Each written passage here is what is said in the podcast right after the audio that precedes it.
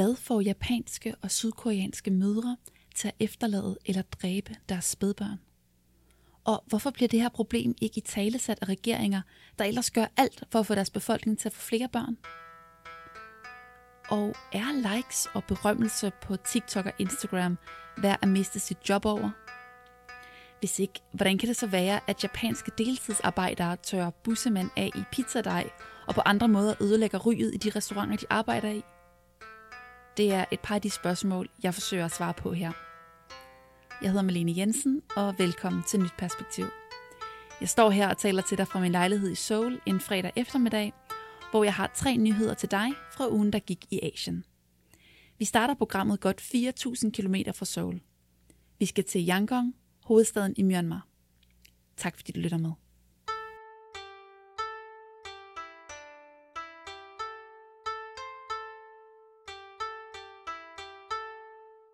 Europa bidrager fortsat til at finansiere et militærdiktaturs undertrykkelse af sine egne borgere. Det afslører The International Consortium of Investigative Journalists, ICIJ, en sammenslutning af undersøgende journalister fra hele verden i en artikel udgivet torsdag. Her dokumenterer journalisterne, hvordan lande i Europa fortsat handler med ulovligt træ, de køber fra Myanmars statsejede træproducent – og det på trods af, at EU har sanktioner, der forbyder handel med firmaet.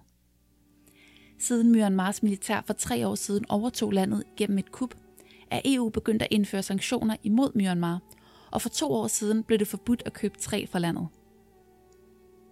Alligevel kunne ICIJ afsløre, at italienske virksomheder har importeret teaktræ fra Myanmar til en værdi af knap 23 millioner kroner, og på den måde været med til at finansiere militærdiktaturet. De italienske firmaers interesse skyldes, at teaktræ fra Myanmar åbenbart er rigtig høj kvalitet. Og Europa er slet ikke de eneste, der hjælper med at finansiere styret. I 2023 importerede amerikanske virksomheder 300 ton træ fra Myanmar til USA. Det er ikke så let. Handlen sker, selvom NGO'er advarer om, Myanmar blandt andet bruger pengene, de tjener på træet, til militærudstyr, der undertrykker diktaturets egne borgere. Siden Myanmars folkevalgte regering blev kuppet, har borgerne kæmpet for at få demokratiet tilbage i landet. Militæret har bragt Myanmar i en dyb økonomisk krise, hvor næsten halvdelen af befolkningen i dag lever i fattigdom. Men det har ikke forhindret dem i at organisere sig i hemmelige pro-demokratiske grupper, der angriber militæret og de seneste måneder er flere tusind af Myanmars soldater deserteret for at hjælpe andre borgere i kampen mod styret. Faktisk ser alt ud til at gå godt for demokratiforkæmperne, der i de seneste måneder er lykkedes med at besætte flere landområder. Og det selvom Vesten ikke ligefrem hjælper borgerne, når lande fortsat vælger kvalitetstræ over nødhjælp til demokratiforkæmpere. Nå, nu skal vi længere nordpå til Japan og Sydkorea.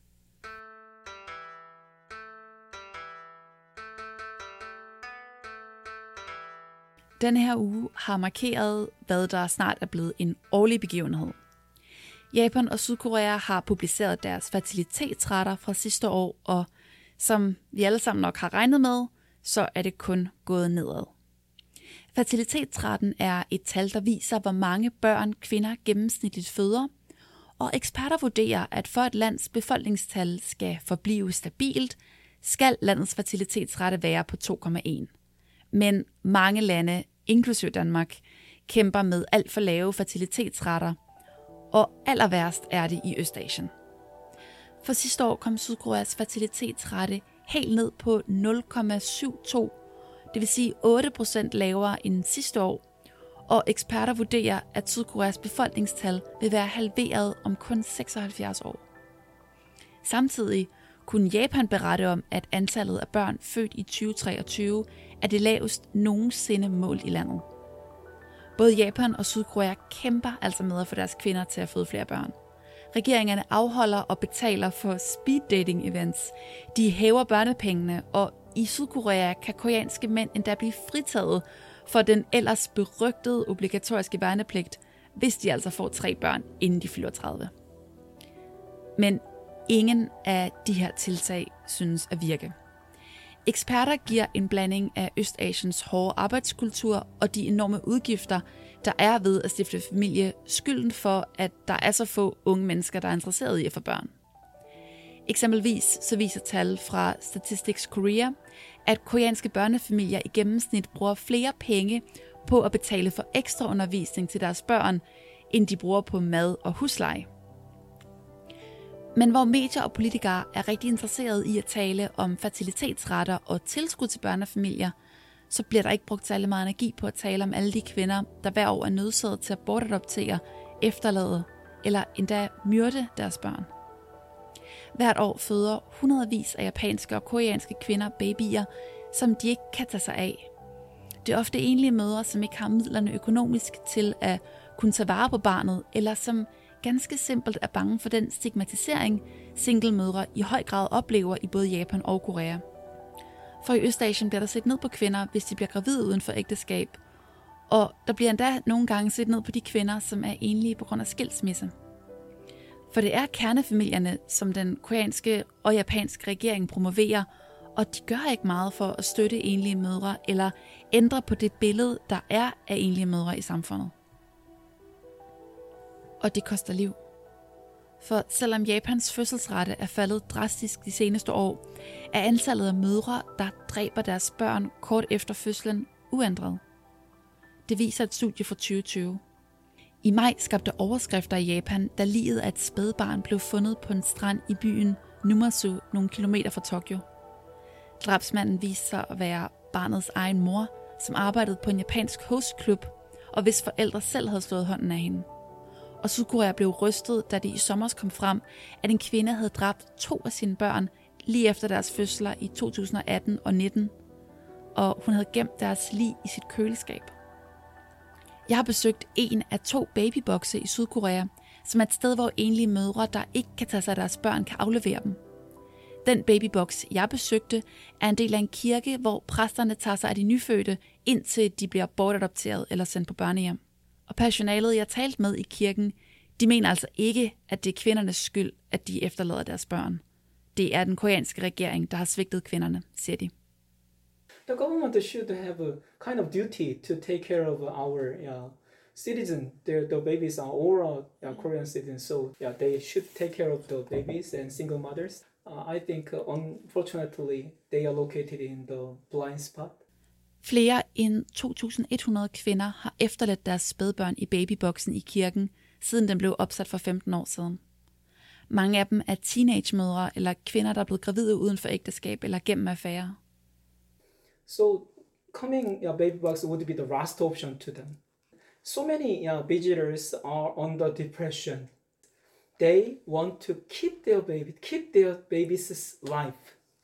Da jeg besøgte kirken, havde de ikke mindre end fire spædbørn i deres varetægt. Kirken havde endda indrettet et børneværelse til spædbørnene, hvor tre kvinder tog sig af babyerne til lyden af vuggeviseudgaver af BTS.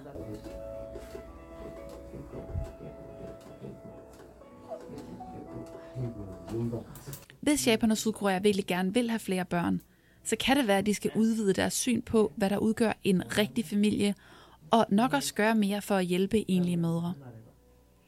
Vi forlader kirken i Sydkorea og træder i stedet ind på et Domino's Pizzeria i Amagasaki i Japan.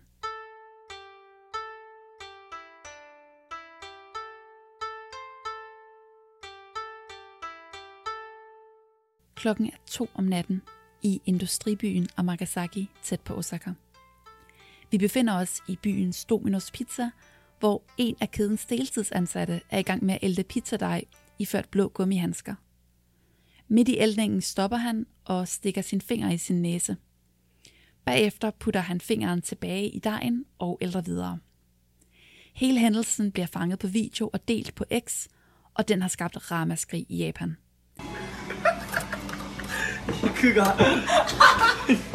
Den er et eksempel på det japanske fænomen Baito Tero. Baito Tero består af de japanske ord for deltidsjob og terrorisme, og beskriver japanske deltidsansatte i mad- eller restaurationsbranchen, der i stedet for at arbejde, bruger deres timer på jobbet på at ødelægge den forretning, som de arbejder i.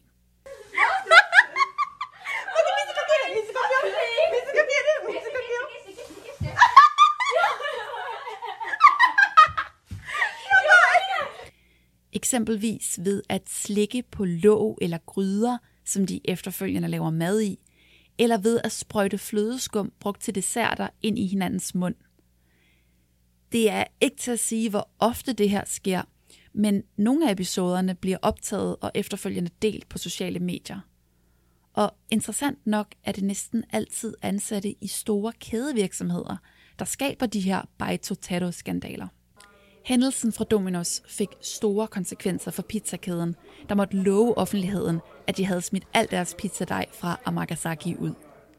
De nye eksempler på Baito Tero sker godt et år efter, at Japan oplevede en bølge af hændelser, de såkaldte sushi-terrorisme-hændelser, hvor kunder på running sushi-restauranter ville slikke på ubrugte tekopper, sushi-stykker eller drikke direkte af sojasauce-flasker, som de efterfølgende satte tilbage på båndet, så andre kunder kunne tage dem. Episoderne her blev også optaget og delt på sociale medier. Der er ingen tvivl om, at denne her slags terrorisme har store konsekvenser for de japanske restauranter. Bølgen af sushi-terrorisme betød, at flere restauranter midlertidigt stoppede for sushibåndet, og når videoerne af terrorisme fra diverse restaurantkæder går viralt, så vælter det ind med kommentarer fra folk, der sværger, at de aldrig vil besøge kæderne igen. Deltidsansatte, der bliver kendt skyldige i Baitotero, risikerer faktisk op til tre års fængsel for at ødelægge forretningerne. Så hvorfor gør de det? Indtil videre er der ingen af gerningsmændene, som har fortalt, hvad der foregik ind i deres hoved, som fik dem til at begå de her ulækre forbrydelser. Men eksperter peger på, at det formentlig er et desperat forsøg på at opnå likes eller anerkendelse på sociale medier. Der er desuden flere, der mener, at det netop er deltidsansatte, der begår forbrydelserne, fordi deltidsansatte ofte er ret ligeglade med forretningernes ry, og om det går forretningen godt eller dårligt, fordi de ved, at deres ansættelse er midlertidig, og mange af dem er studerende og tænker, at de nok skal have et lidt bedre job i fremtiden. Personligt tror jeg også, at det kan handle om, at mange unge deltidsansatte i Japan arbejder under virkelig dårlige forhold. Minimumslønnen i Japan er 50 kroner i timen, og særlig restaurationsbranchen er berygtet for at behandle deres ansatte virkelig dårligt. Da jeg boede i Japan, var der mange af mine venner, der arbejdede til sent på natten for nærmest ingen penge, og arbejdet var rigtig hårdt. Jeg havde selv en kort karriere som deltidsansat tjener på et izakaya i Osaka, og ja, lad mig bare sige det sådan her, det kunne jeg klare i en måned. Er dermed ikke sagt, at dårlige arbejdsforhold på nogen måde undskylder at ødelægge en forretning, men det kunne være, at de store restaurantkæder i Japan skulle overveje at skabe et bedre arbejdsmiljø, eller i det mindste have lønnen for deres deltidsansatte, hvis de gerne vil undgå de her hændelser i fremtiden.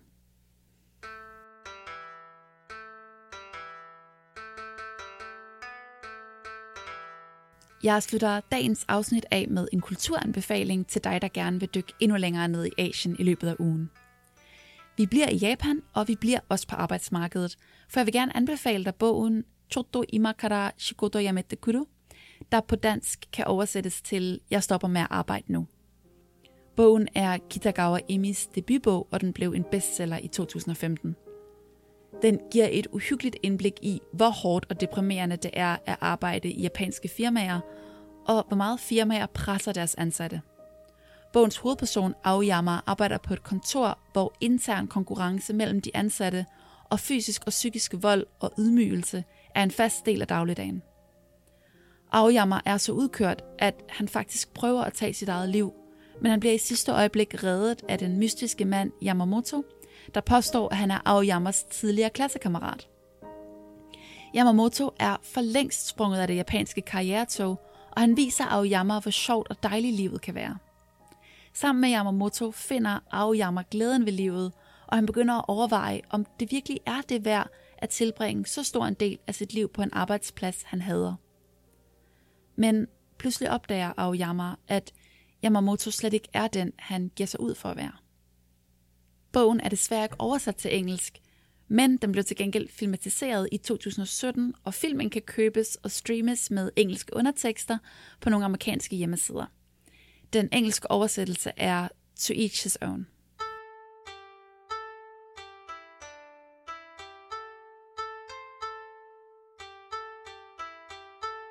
Det var alt for denne gang, og husk, at du kan læse de fulde artikler med alle detaljer fra alle tre nyheder, og finde min anbefaling gennem links i beskrivelsen af episoden. Tak for nu, og vi lyttes forhåbentlig ved i næste uge.